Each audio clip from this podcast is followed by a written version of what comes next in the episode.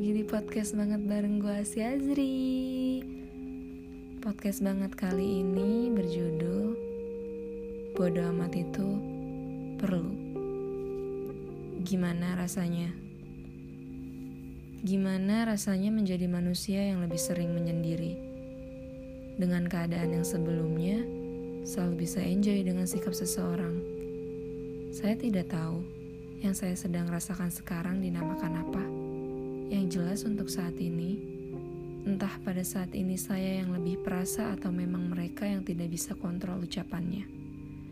Sehingga dapat membuat orang lain menjadi lebih memilih untuk diam atau menghindar.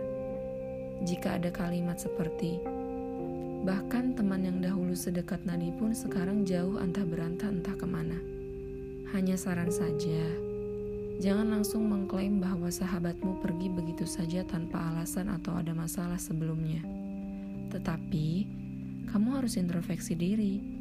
Bagaimana selama ini sikap kamu terhadap sahabatmu sendiri? Bisa saja mereka sakit hati dengan ucapanmu yang sudah bukan sekali dua kali dan sudah protes ke dirimu sendiri.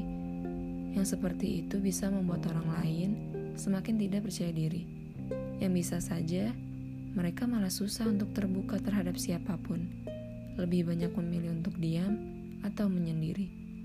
Karena mereka terlalu tidak percaya diri untuk berbaur dengan yang lain. Kita kan tidak tahu bagaimana hati orang.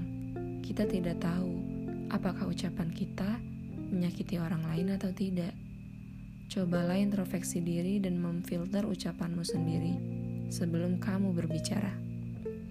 Ternyata benar, akan tiba waktunya yang sabar berubah menjadi sadar. Di saat sedang merasakan seakan saya adalah manusia yang paling sedih, hancur, dan sepi. Ternyata masih terlalu banyak orang lain yang merasakan hal yang sama, bahkan mungkin lebih. Sedikit cerita. Kemarin baru saja bertemu dengan teman-teman kuliah setelah sekian lama masa pandemik ini kita nggak ke kampus. Banyak cerita teman-teman yang relate dengan keadaan saya. Saya pernah merasakan sakit hati oleh seorang pria, merasakan jatuh, hancur, sepi, bahkan tidak ingin melakukan aktivitas apa pun. Ternyata cerita dari mulut orang lain lebih hancur. Temanku bahkan sempat tidak ingin menikah karena trauma dengan laki-laki. Pertanyaanku, apa tidak ingin memiliki anak? Tidak ingin memiliki keturunan? Jawabnya simpel. Saya akan mengadopsi anak jika saya mau punya anak. Bahkan sampai ada yang mencari hadis dalam Islam, apakah boleh seorang wanita tidak menikah? Dan ternyata memang ada hadisnya. Diperbolehkan selama berada di jalannya. Dalam artian, dia bisa menjaga keperawanannya. Mendengar cerita mereka yang sebegitu hancur, saya sepakat dengan diri dan hati saya sendiri bahwa saya akan bodoh amat dengan manusia-manusia toksik. Hidup terasa cemen jika hanya memikirkan relationship and friendship. Masih banyak yang harus saya kejar. Masa depan, karir, kebahagiaan orang tua dan keluarga saya. Rasanya tidak pantas jika hancur hanya karena seorang laki-laki dan pertemanan yang toksik. Permasalahan hidup itu, habis ada masalah, ya ada masalah lagi.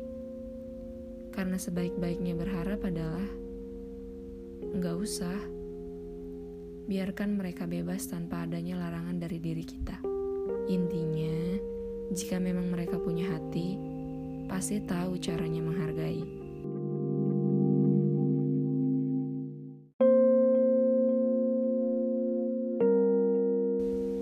And now, untuk teman-teman yang sedang merasakan seperti ini, segera bangun dan lakukan. Delete, unfollow, unfriend, block, erase, and disconnect from anyone and anything that robs you of your peace, love, and happiness. Not just on social media, but in real life too. You don't need to be around people who don't see and appreciate your value. Intinya, kalau lingkungan kalian tidak mengubah kalian menjadi lebih baik, tinggalkan. and get a new circle. Sampai jumpa di podcast banget episode berikutnya. Bareng gue Azri. Bye-bye.